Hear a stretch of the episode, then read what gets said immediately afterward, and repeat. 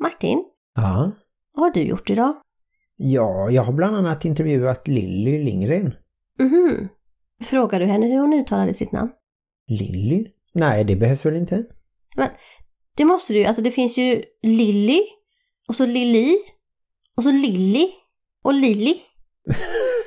Jag tycker det låter ungefär likadant, förutom Lilly. Ja men det är ju pinsamt om hon heter Lilly och så kallar vi henne för Lili. Vadå? Ja men det skulle ju vara precis som att någon kallar dig för Martin. Don't tell me that your life is dull and grey. My only answer is hey, hey, hey, hey. Let's go crazy in the wild, and if by chance we make a child, that just means that we're alive and healthy. Hej och välkomna till avsnitt 187 av Bonuspappan och Plus Mamman, en podd om livet i en bonusfamilj med tyngdpunkt på föräldraskap och relationer. Det står här på inspelningen Gamla Östanåvägen 2 Martin. Jaha, jag trodde inte att sommarstugan hade någon speciell adress. Det ligger ju nedanför Vetlanda Golfklubb i Östanå. Vi är alltså i Småland. Jajamän. Och trots det så samarbetar vi ju som vanligt med Hallands Nyheter, dagstidningen i Varberg och Falkenberg med omnejd. Borde vi inte göra ett tillfälligt samarbete med Smålandsposten eller någonting? Ja, fast den finns inte här utan här är det ju Vetlanda-posten som är en del av Jönköpings-posten kan man säga. Men vi är i Småland eller? Ja, ja. Och Småland är ju då inte ett land som våra barn trodde ett tag. Nej, och det är inte ett län heller, för vi är i Jönköpings län men Smålands landskap. Ja, och även om vi är i Småland då så behöver vi inte sakna Hallands Nyheter för vi kan ju läsa den på webben, www.hn.se. Mm, och vi kan även kolla i e-tidningen. Det har ju kommit en ny tidning idag när vi spelar in det här på måndag. Däremot så var det ju ingen tidning på juldagen och annandagen och inte på söndagen heller. Nej, det händer ingenting i Halland. det är därför det är bra att ha webben igång hela tiden. I detta avsnitt så har vi ju intervjuat en av poddens allra yngsta lyssnare, tror Mm. jag. Jag vet en gång att vi fick ett sånt här meddelande om en jätteliten nyfödd bebis som faktiskt lyssnade på vår podd. Men det kanske var mer av tvång eftersom hennes mamma lyssnade på podden. Ja, just det. Den vi har med oss idag är ju Lilly Lindgren i Skövde och hon är... Nej men nu sa du Skövde Martin, du skulle inte säga Skövde. Nej, det är svårt att inte landa i det där. Jag tror Robert Gustafsson är uppvuxen där så han brukar väl säga Skövde med lite sån där dialekt. Hon är i alla fall 15 år och eh, har firat julafton hos sin mamma och sen juldagen hos sin pappa och sina två halvsystrar som hon har vuxit upp med. Och sen så ska hon fira nyår hos några kompisar i Stockholm sa hon. Jag antar att det är helt opassande, men jag kom på det här med eftersom Lilly är 15 och du är 51 så är det samma åldersskillnad på er två som det var på Fred Astaire och hans sista fru innan han dog.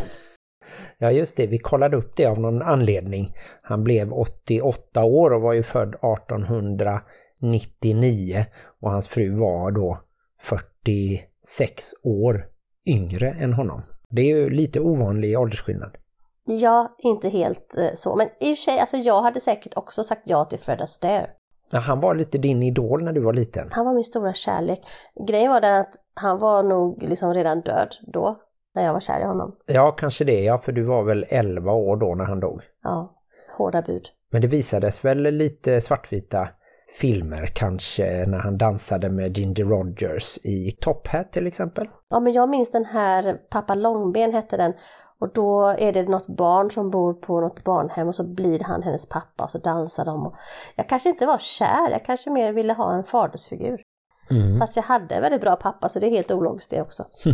Det finns ett berömt uttalande när han gjorde någon audition och de skrev det att eh, han kan inte sjunga så bra och han börjar bli flintis men han kan dansa. Och sen så blev han en så stor stjärna och vad många inte vet är att han hade ju väldigt många hitlåtar faktiskt. Han sjöng jazz och var mycket större sångare, mycket mer känd artist än vad vi minns honom idag då som bara filmstjärna och, och dansare då. Mm, han var inte lik dig, så här tunnhårig och gammal. Och, men kan liksom dansa, du kan ju dansa Martin. Ja, lite grann kanske. Men inte som min pappa. Han är ju riktigt eh, grym på att dansa. Nu när jag associerar fritt här så när jag hörde det att du sa att ja, men, han kunde inte sjunga och han var flintskallig så tänker jag på en av mina första stora kärlekar, Kristoffer Wallin. om du är där ute och lyssnar nu så, så sa han en gång om mig. Ja, hon är inte speciellt schysst och inte så snygg heller. Va? Ja, det tog hårt. Han var kär i min kompis Anna-Karin. Jaha. Ja, och vi var båda två kära i Kristoffer. Och han krossade mitt hjärta. Mm. Hoppas att det har gått bra för honom ändå. ja, det gör vi. Ett tag så skyddade jag mig med att tänka att men han var nog gay. Ja. Det var någon annan som var det väl, som du var ihop med? Nej, men jag har haft en inneboende som visade sig vara gay. Och min andra inneboende, hon var kär i honom innan hon förstod att han var gay. Det var ett drama utan dess like, men jag tror att de är väldigt goda vänner nu. Ja, ja. Och han och hans pojkvän Anders har varit tillsammans i en evighet. Okej, det kanske var något som jag förväxlade med det då. Kan vara det. Ja, och det hände ju för länge sedan. Och vi brukar ju prata om saker som har hänt lite mer nyligen, typ i veckan. Ja, men det är så här inför nyår så blir man så här lite reminiscensig. Lite nostalgisk kanske. Ja, tänker på min barndom så här när jag ligger för döden. Så kan du ju inte säga. Tänk på dem som faktiskt ligger för döden på riktigt.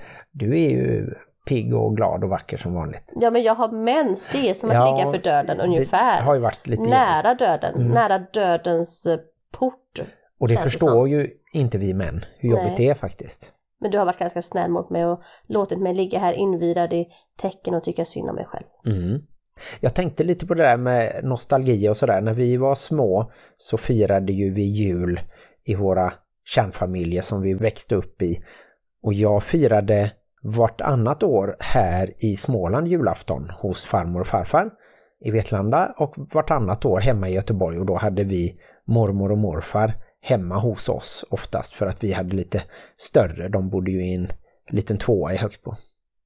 Och du måste ju ha firat då i Skogstorp utanför Falkenberg. Ja, jag hade ju inte mormor och morfar i livet så länge. Min mormor gick bort när jag var två år och morfar dog när jag var sex år.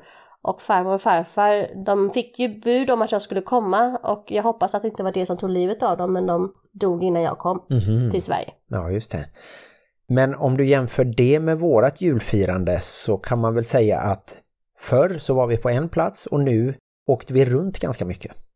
Ja, fast jag tror att många människor som har mormor och morfadrar och sånt i vanliga fall när det inte är corona i livet har lite av en Eriksgata på julafton, även om de är kärnfamiljer. Jag har ju mer varit på ett ställe på jularna kan man ju säga.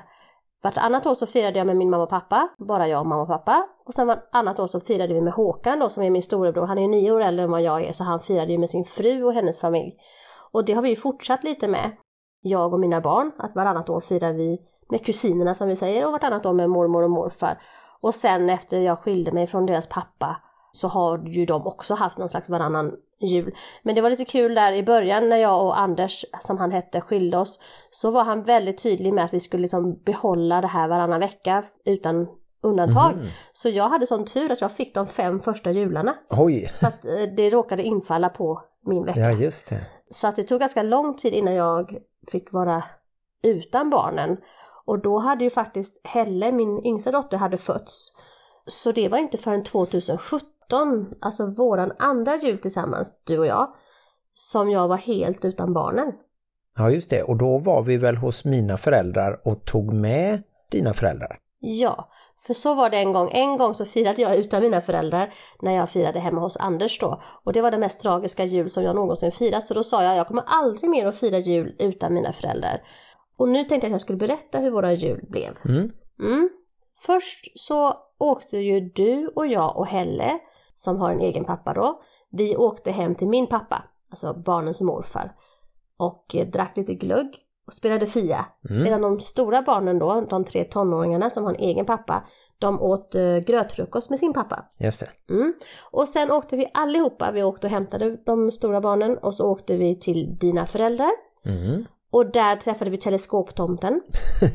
ja just det. Han använde en bollplockare som man har när man spelar golf om man slår ner eh, bollen i vattnet. Jag Då kan man tomten hämta golf. upp den. Jo men just den tomten gör faktiskt det. Ja, den var väldigt lång och väldigt rolig.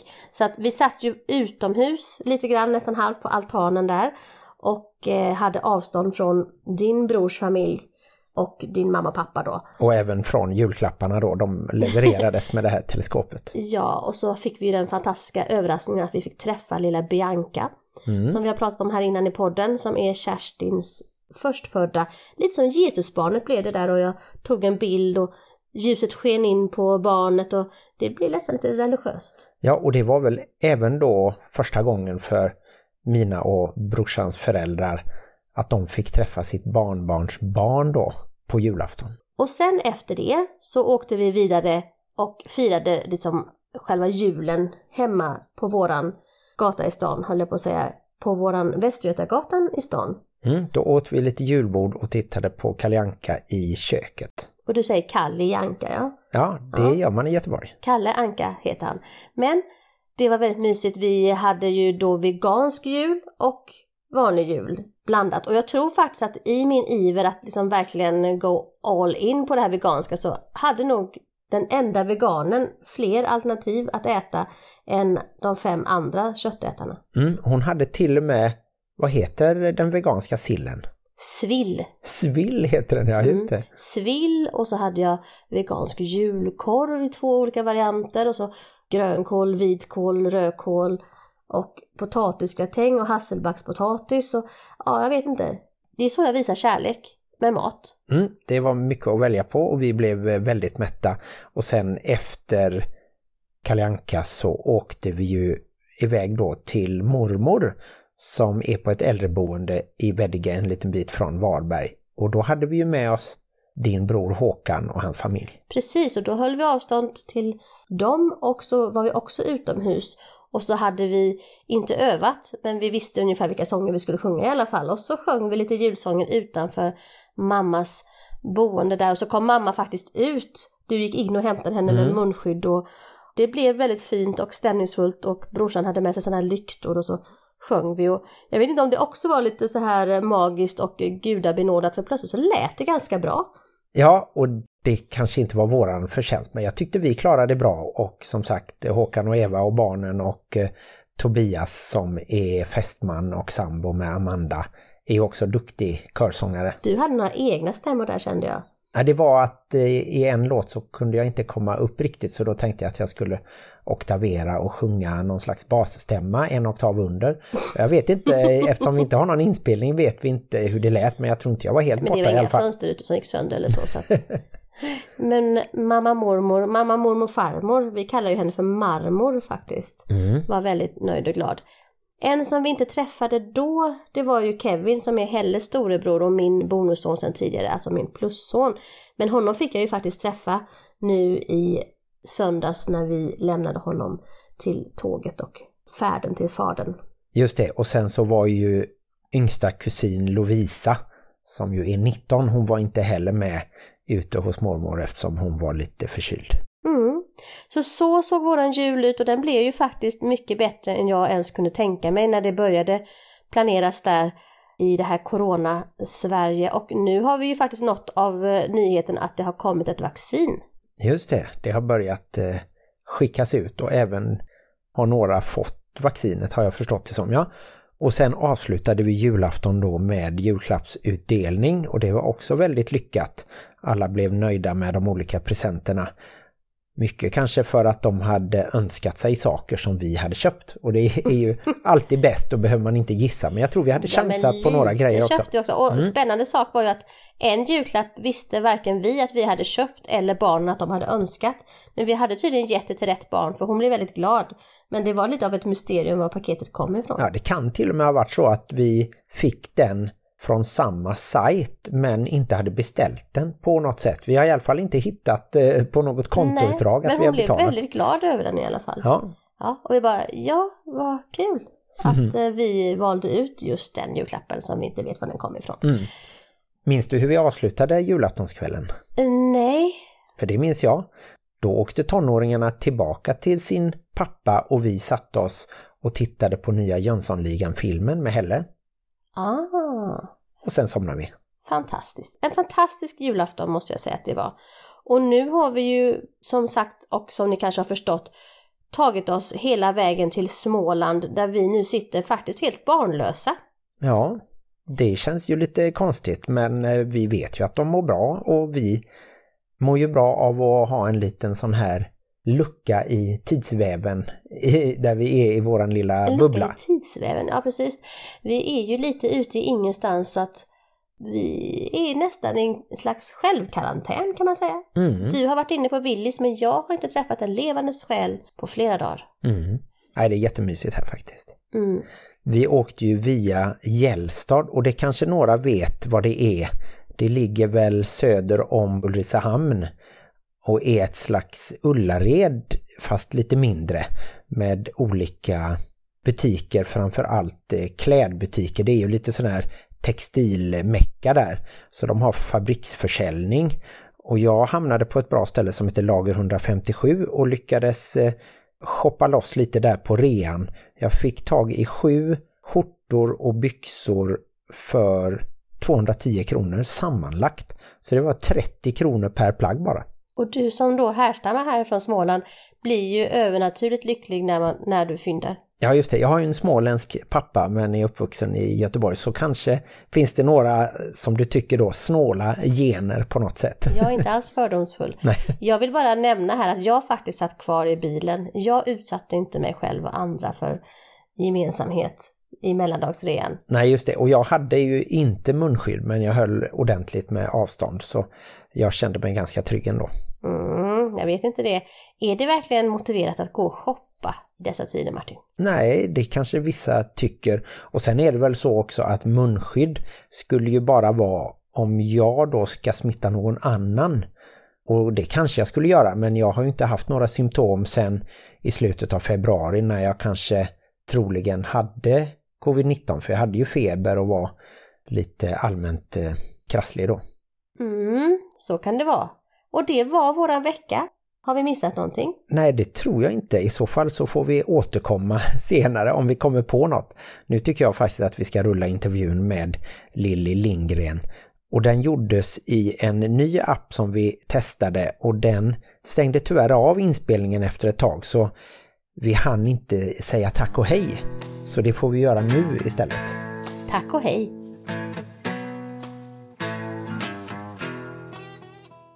Hej och välkommen till podden Lilly Lindgren.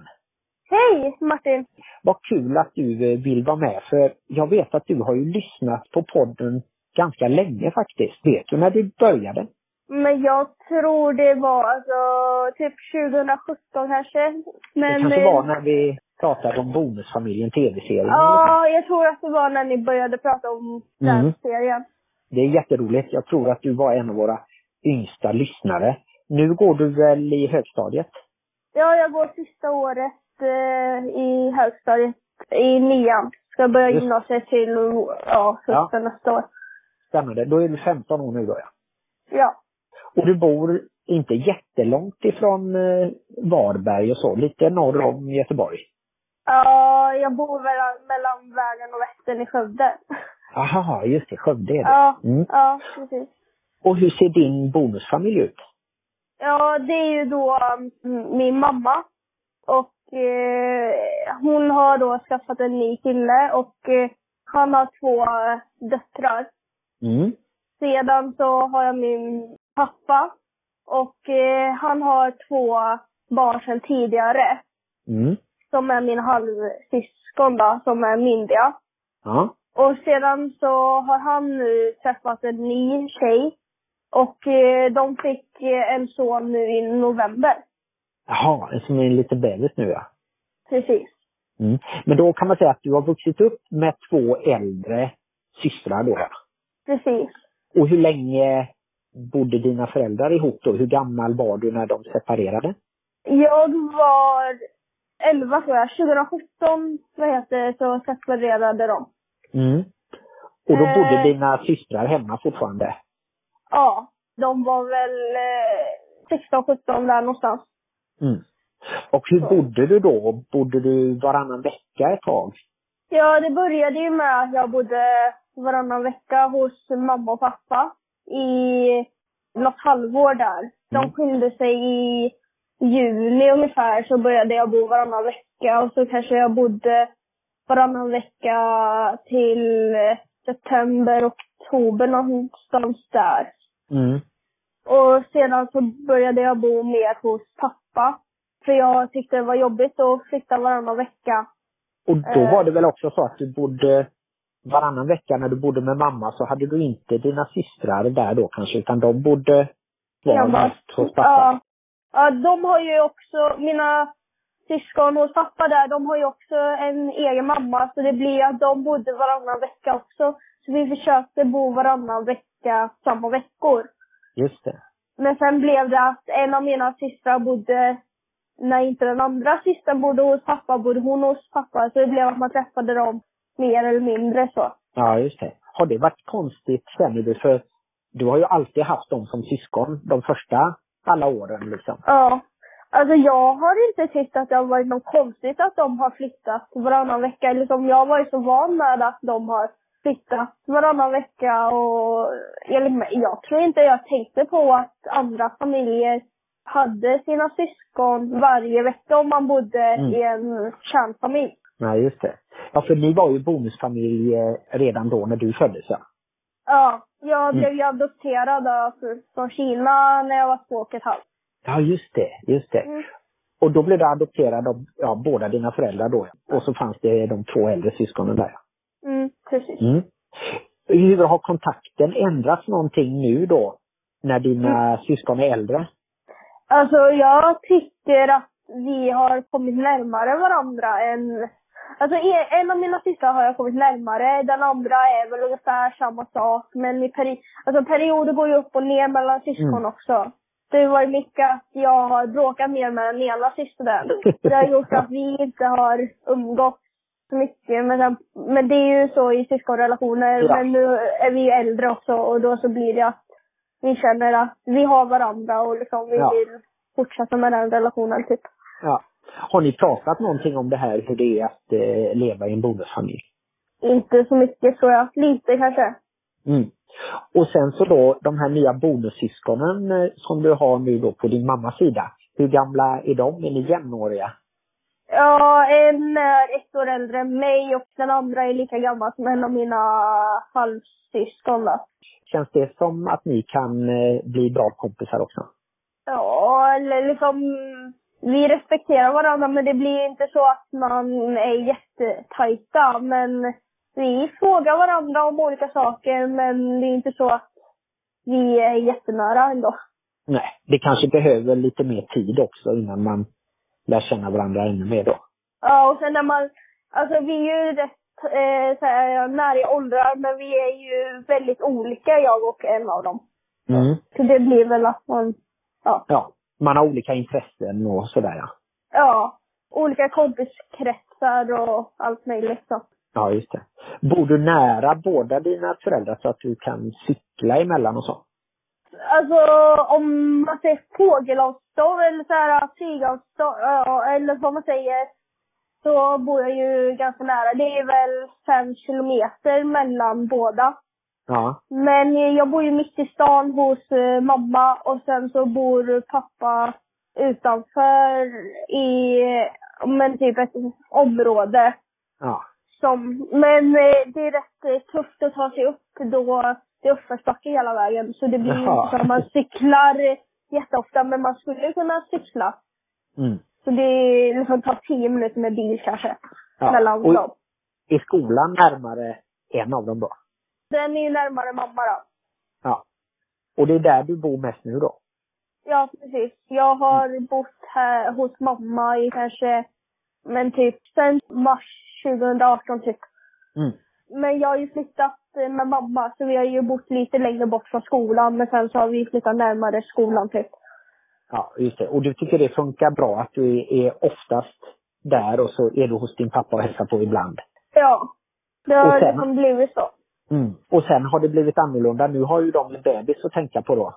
Ja, jag tycker nog att eh, vi har kommit närmare varandra lite. Alltså innan så var det att eh, vi hörde av oss vid när någon av eh, oss fyllde år eller typ att pappa ville bjuda oss lite på middag och så. Men det var inte så att vi höll kontakt jätteofta. Nej. Men eh, nu efteråt så, vad heter det, så kan jag höra av mig ibland. Jag tyckte att det har varit väldigt jobbigt att höra av mig till Mm. pappa under lång tid. Men eh, nu har det blivit så att nu behöver jag inte fokusera jättemycket på pappa och hans tjejs relation så med varandra. Utan nu vill jag bygga upp en relation med min halvbror då. Just det. Och därför vill du vara där lite oftare kanske också? ja. Mm. Har du tänkt eh, någonting på sådär hur ville du att det skulle bli då när föräldrarna separerade? Tänker man som barn så att ja, jag hoppas att, att de kan träffa någon ny eller så tänker man att ja, jag hoppas att de blir ihop igen eller ja, man kan ju tänka många olika saker. Alltså jag tänkte nog aldrig att de skulle bli ihop igen för att eh, de hade haft en väldigt eh, jobbig relation så mot Mm. varandra och så. Men jag har ju alltid strävat efter att de båda ska träffa någon ny för eh, jag tror att ingen av dem skulle kunna leva ensam under en lång period faktiskt. Mm. Så. Och hur vill du då att en bonusförälder ska vara mot dig? För då kommer man ju in lite ny i början och man vet inte riktigt eh, vad man brukar göra i de olika familjerna och så. Jag tror det viktigaste är att man respekterar varandra och inte går in som en förälder direkt och typ eh, säger eh, hur man ska göra eftersom att jag tror att det skapar väldigt mycket oro. Det är mycket det här med, som ni pratar mycket om, att vara en förälder men kanske, eller vara mer en kompis Mm, än mm, en förälder. mm. Men samtidigt ska väl de kunna säga till en eh, när det har gått ett tag. Men i början är det viktigaste nog att man bara bygger upp någon slags kompisrelation kanske. Så man har något förtroende och sådär. Ja, inte att man går in och liksom försöker bestämma för mycket i början då. Nej, precis. Mm. Sen vet jag att eh, du gillar tv-serien Bonusfamiljen som vi sa. Vad är det med den som du tycker är, är bra?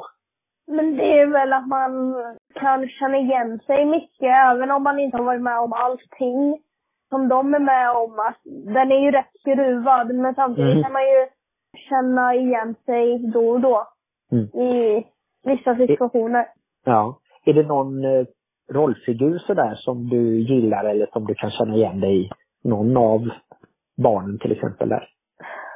Jag vet inte. Kanske lite Bianca, ja, kan jag nog känna igen mig i. Alltså, speciellt när hon spelade, när hon var i min ålder, alltså de första säsongerna, så kunde man känna igen sig mycket av henne.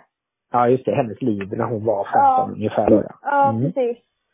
Är det någonting som du tycker är lite väl överdrivet eh, i det? Som de kanske har gjort just för att tv-serien ska bli mer dramatisk eller så?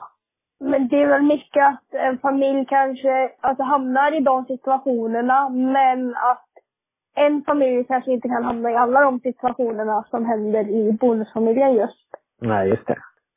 Det blir ju lite att de slår ihop och tar alla Ja, idéer precis. och så får det hända allihopa där ja.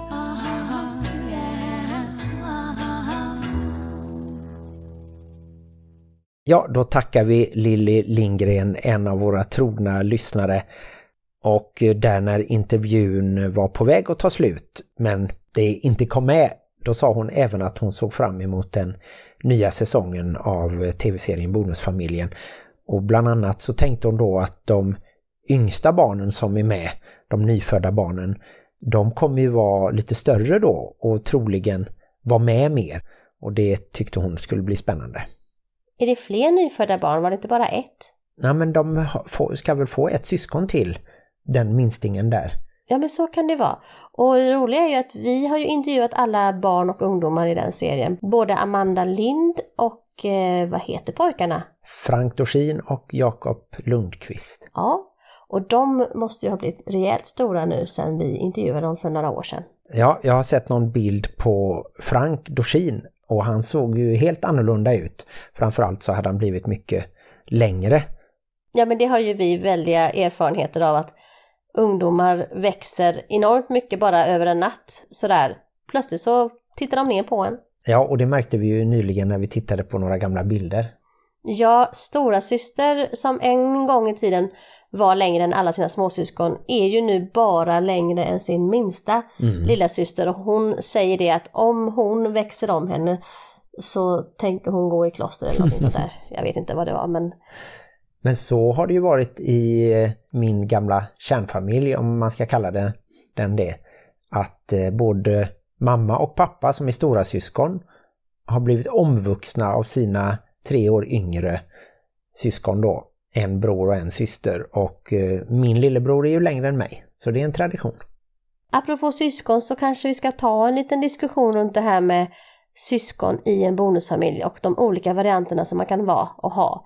Och vi kanske inte ens kan eh, komma på alla olika varianter men jag tänkte att vi kunde prata om de varianterna som finns i vår familj. Mm, och där tycker jag ju att eh, jag inte märker någon skillnad på mina fyra bonusbarn och jag tror inte du gör det heller för alla fyra är dina biologiska barn, alla fyra är mina bonusbarn och jag har inga biologiska barn så jag tänker ju inte på att Helle som är minst har en annan pappa utan det är ju lite mer tidigare då när det var tydligt att de bodde varannan vecka.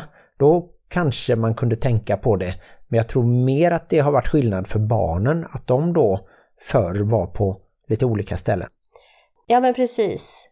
Skillnaden är ju kanske inte för oss vuxna utan för barnen. Så jag tänkte lite utgå från det jag har förstått att de känner och tycker och tänker och förklara hur det hänger ihop med våra barn. Mm. Och då är det ju så att jag har tre biologiska barn som har en pappa. Och de är ju väldigt täta i åldern. Och har för det mesta följts åt genom den här tiden. Mm, lite olika varianter av boende. Att något barn kanske har bott mer hos mig eller mer hos sin pappa. Men i, överlag så har de ju i alla fall bestämt själva huruvida de träffas eller inte. Så att de tre blir ju ändå en enhet. De har växt upp tillsammans, de minns ingen tid innan de var tillsammans. När de är hos sin pappa så har de sin familj där och så har de vår familj här. Mm, de har ju inte några bonussyskon eller halvsyskon på sin pappas sida. Nej. Däremot så fick de ju då en bonusbrorsa när jag träffade min yngsta dotters pappa. Och eh, de har ju lite växt upp tillsammans. Och eh, Kevin var ju två och ett halvt år när vi träffades. Och sen var han nio och ett halvt år när hans pappa och jag gick isär. Så att i alla fall min son Lycke och han har ju växt upp mycket som brorsor. Mm. Och det är lite roligt att de fortfarande hänger ihop och mycket nu när de har samma intresse, de skater tillsammans och Kevin faktiskt bor här. Kevin har ju bott lite olika, han har bott i Örebro och han har bott i Stockholm och, och sådär så att det har inte varit helt kontinuerligt var han har befunnit sig. Men jag tycker det är jättekul att deras brorsa-relation har hållit i sig. Och de har ju egentligen inget annat biologiskt gemensamt än att de faktiskt har en biologisk lillasyster som kom till då senare. Ja, just det. Och det kan ju vara bra att veta kanske att Lycke är äldst, han är tre år äldre än Kevin. Lycke går i tvåan i gymnasiet och Kevin i åttan. Mm. Och det är ju lite så att de inte kan minnas egentligen så jättemycket innan dess. Innan Kevin kom in i bilden, för jag menar, vad var Lycke då? Fem och ett halvt. Saga kanske minns något enstaka. Jag tror inte Yvalin som då är ett år yngre än eh, Lycke kommer ihåg någonting av tiden innan Kevin fanns. Nej. Så att på sätt och vis har ju Kevin funnits med i bilden hela tiden men de har ju inte bott hela tiden tillsammans och de har ju inte han har ju haft en del tid hos sin mamma och han har även bott heltid hos sin mamma ett tag. Så att relationen har ju kanske inte varit som mellan syskon som hela tiden bor tillsammans eller bor varannan vecka. För det har inte ens varit varannan vecka hela tiden. Ja, just det. Det var ju ett tag som han bodde utanför Örebro och då var det ju så långt så att de inte träffades kanske på något halvår eller sådär. Och nu så är det ju några mil emellan lägenheterna så att man kan liksom inte bara cykla iväg och, och träffas. Men det är ju som du sa jättekul att han ibland åker till Varberg och till exempel skater ihop med Lycke då. Mm. Och sen är det ju så i det här fallet att Kevin har ju ingen brorsa på sin pappas eller sin mammas sida och Lycke har ju ingen brorsa heller. De har ju bara massa systrar. Mm. Lycke har ju tre systrar och Kevin har två systrar. Så att jag tror att det kan ha också bidragit till att de har en stark broderskap. Liksom. Ja just det. Kevin har en äldre syster på sin mammas sida men hon är ju vuxen så att säga. Hon bor själv. Så ska vi då gå vidare till min yngsta dotter som har en egen pappa som hon då delar tillsammans med Kevin. Och där är det ju så att hon har ju faktiskt mest växt upp tillsammans med sina tre äldsta syskon på min sida. Hon har träffat dem mest. Men hon har varit mer i samma ålder kan man väl säga som Kevin. Alltså närmare varandra i ålder så de kanske har i och för sig lekt tillsammans mer när de har träffats. Men de kanske inte har träffats lika mycket. Så att jag vet inte riktigt, nu är inte heller här om man kan fråga henne det och eh, men jag vet i alla fall oftast när det ska rabblas upp familjemedlemmar och sådär så är det oftast att hon helt naturligt säger sina tre äldsta syskon och sen så kanske hon kommer på, ja just det, Kevin också. För de har ju inte bott tillsammans lika mycket. Nej, men jag tycker ju att man märker direkt de träffas att det finns ett väldigt starkt band mellan dem. Och det var ju till exempel nu senast när de satt och pratade i bilen så var det ju också väldigt bra stämning. Så jag tror att det finns ju ändå något väldigt speciellt. Som sagt, just nu så bor de ju under samma tak en helg i månaden bara. Men eh, det känns ändå bra att de håller ihop och gillar varandra. Jag tänkte just på det att hur våra val, vi vuxnas val, påverkar barnen. Som ett tag så blev det ju så att Helle och Kevin träffades och levde tillsammans varannan vecka. Och nu är det ju inte så som precis som du säger, utan att de bara träffas en helg i månaden. Mm. Och det är ju en väldig skillnad. Mm. Så att det är ju inte bara så att de vuxnas relation påverkas när man går isär utan barnens relation syskon emellan påverkas ju i största grad. Och förr i tiden så var det så ibland att de delade på syskon och tog varsitt syskon. Och eh, det är ju helt galet egentligen och lite så är det ju faktiskt med Kevin och Helle. Ja, just det. Nu det... blir det inte så att man tog varsitt syskon utan det råkar bara vara så att syskonen har olika mammor. Mm. Det har vi ju gjort minst två intervjuer och båda är med skådespelare som är med i tv-serien Bonusfamiljen. Fredrik Hallgren växte upp då utan sin bror för han flyttade med ner till Göteborg och Fredrik Hallgren blev kvar i Stockholm. Och sen har vi även intervjuat Regina Lund och hon hade en äldre storebror som hennes mamma då tog med sig och så skulle hon vara hos sin pappa men blev lämnad hos sin farmor och farfar i Gävle. Så båda de har varit med om det att en separation även har inneburit en separation från ett syskon då. Och de intervjuerna kan ni lyssna på på Castbox för där finns alla våra gamla avsnitt samlade. Det är bara att leta sig fram genom dem. Ja just det, på Spotify och iTunes visas ju de 150 senaste avsnitten. Och just de här två tror jag gjordes under 2017, vårt första år. Så då får man gå Castbox, C-A-S-T-B-O-X. Nej, men jag tycker som sagt var att det är viktigt att man tänker över vilka relationer som behöver underhållas med hjälp av oss vuxna.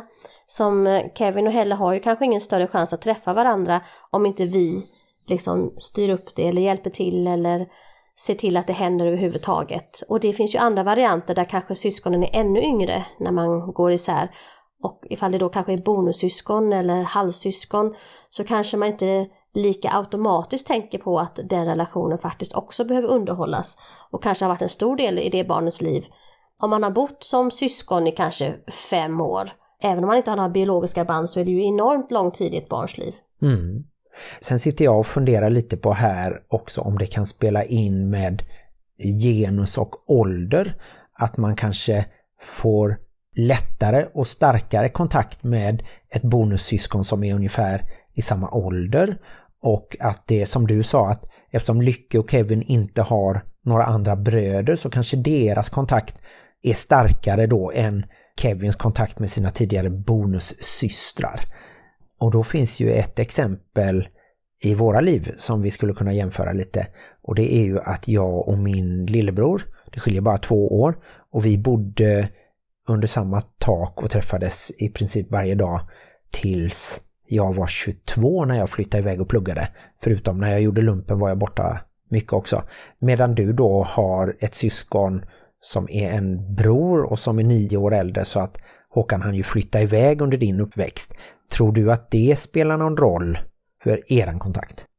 Ja men absolut och eh, nu råkar ju vi vara syskon och då tror jag att man på något sätt bibehåller den relationen oavsett hur det ser ut, oavsett om man liksom är nära eller inte nära och det inte liksom är en uttalad kris eller konflikt i syskonrelationen så tror jag att just för att man är syskon så håller man en slags kontakt som kanske då blir mer löst utvattnad om man då är bonussyskon till exempel.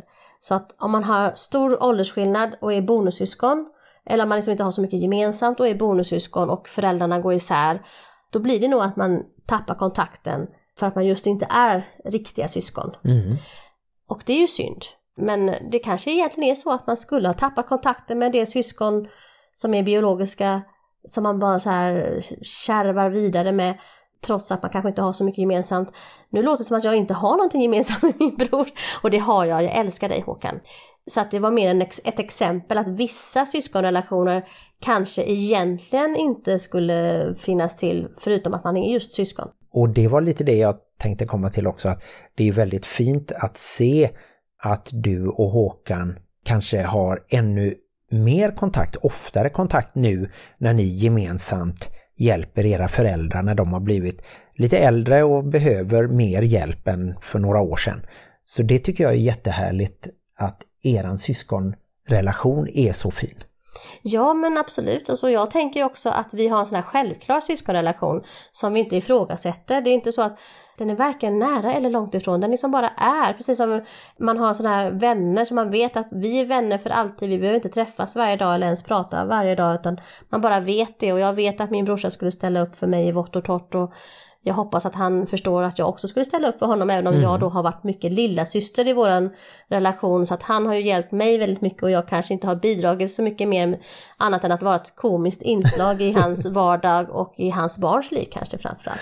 Ja just det, och jag har ju då till och med överlämnat storebrorskapet till min eh, lillebror vid något tillfälle där när han fyllde kanske 35 och hade villa, kombi, fru och barn och jag var singel.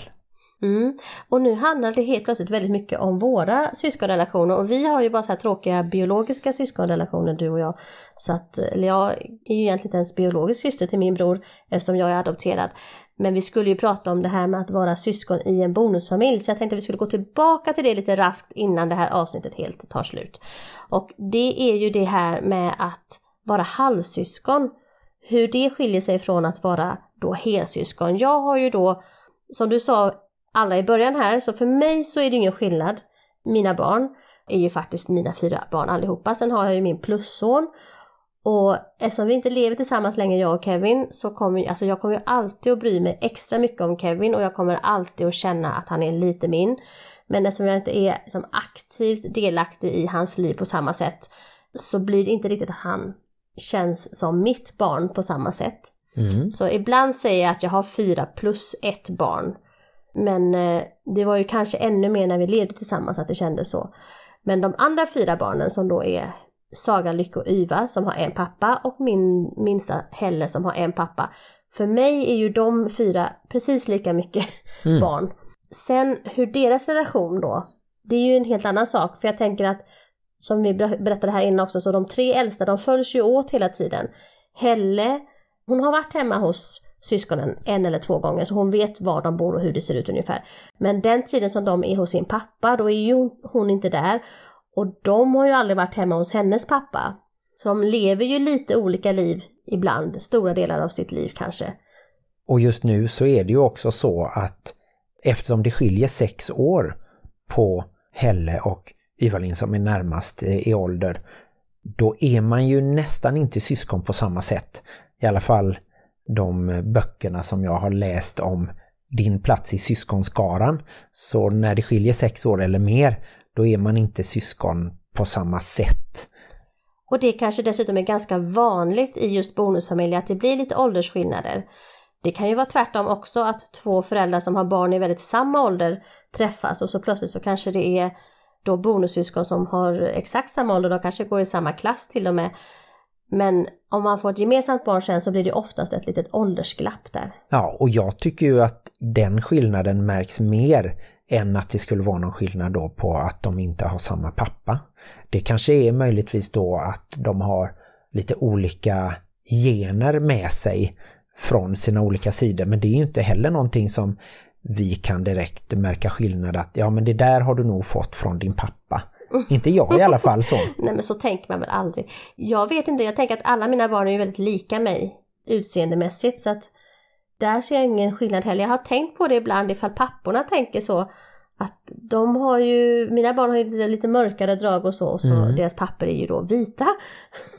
Kaukasiska. Ja. Om de på något sätt tänker att de inte är lika. Men jag tror inte man tänker så. Nej, nej. Jag tänker ju inte att jag är olik mina föräldrar. Nej, och jag kan i så fall tänka att om någon ser oss och något av barnen, att den första tanken kanske är att jag är pappan. Ja, men det tror jag också. Och speciellt så tror jag att de tror att du är Kevins pappa när vi har Kevin med oss. Ja, för ni är det. rödhåriga båda två. Nej, men jag tror att det finns en viss skillnad och eh, det kan bero på åldersskillnad som du säger, men jag tror också att det beror på att de inte spenderar liksom hela sin uppväxt tillsammans som du och din bror då till exempel gjorde. Och faktiskt jag och min bror också gjorde. Alla våra minnen vi har tillsammans, jag och min bror, alla jular och allting, det har vi ju tillsammans. Mina barn då har ju olika jular, de har olika farmor och farfar. De har samma mormor och morfar visserligen, men de har ju liksom också en hel del saker som de inte har gemensamt. Mm. Och att det påverkar den relationen de har. Ja, just det. Och ett litet förtydligande kanske att jag är ungefär lika rödhårig som Kevins pappa är just nu. Det är ju ingen som skulle se mig och säga att ja, du är rödhårig. Men jag har ju... Var det viktigt att poängtera detta? Nej, men det roliga är när man ser då på bilder på när jag gick kanske i mellanstadiet. Då har jag ju ungefär samma hårfärg som Kevin har. Så det finns ju ett rött anlag där. Som eh, jag kan fortfarande se det till exempel i en del skäggstrån. Nu har jag ju rakat mig eh, och det känns ganska skönt efter att ha haft skägg i, blev det 6-7 veckor Eller kanske? kanske vi skulle nämnt där i Hänt i veckan att du numera inte är skäggig längre. Ja, det var ju ändå en rätt stor grej på ett sätt. Det var lite läskigt där ett tag. Först så tyckte jag det var läskigt att du såg så annorlunda ut med skägg. Och sen när du rakade av skägget så var det nästan lika läskigt hur annorlunda du var utan skägg. Ja, du tyckte jag såg väldigt smal ut i ansiktet. Du är alltså konstant läskig helt enkelt. Ja, just det. Yngre såg jag också ut tror jag. Ja men det gjorde du faktiskt. Mm. Sen hur mycket yngre det Nej. låter jag vara osagt men yngre än när du var skäggig i alla fall. Mm.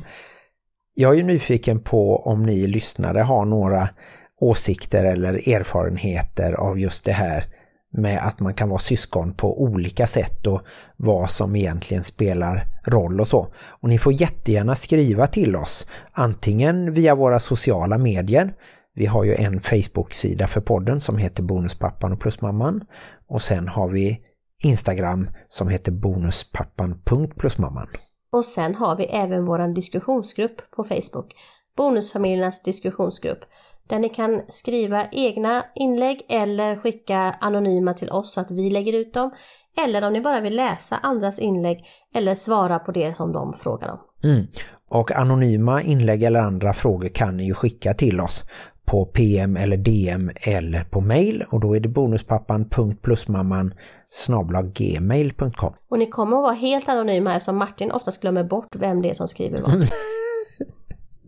Jag läser alla mejl och vi försöker svara så fort vi kan och ni får gärna även skicka till exempel förslag på gäster. Det har vi fått ett förslag som jag håller på att kolla upp nu nyligen och ni får gärna skicka in förslag på diskussionsämnen som vi kan ta upp under då nästa år för detta är ju faktiskt årets sista avsnitt av podden. Fantastiskt! Ännu ett år har gått med podden i topp höll jag på att säga. Vi har inte missat ett avsnitt i år. Nej, varje tisdag och det siktar vi ju på att komma ut även under 2021 som förhoppningsvis blir ett år när vi kan vaccinera oss och bli av med coronapandemin. Ja, det har ju varit lite konstigt det här med corona och det ska bli skönt om det blir så att vi kanske kan träffa fler gäster fysiskt i framtiden. Mm. Det blir ju alltid trevligare intervjuer när man kan sitta och prata Klämma på varandra. på, vid samma bord istället för att ringa. Men eh, just nu så gör vi lite telefonintervjuer också. Glöm inte att livet i bonusfamiljen kan vara besvärligt. Men också härligt. Hej Hej då! då! Jag tänkte jag skulle säga hej då lite rappt den här gången. Ja, just det. Kände du att jag gjorde det? Mm. Mm, kändes det konstigt? Nej, jag tror det kändes rätt bra. Ja. Vad tror du om att eh, paddla kanot imorgon? Vågar vi det? Jag tänkte eftersom vi gjorde det i Stockholm när vi var där själva i nästan en vecka. Vad tror du om att du gör det själv? ska jag ta den där kajaken i så fall, den där plastkajaken som finns här? Och det var det sista hon såg av honom.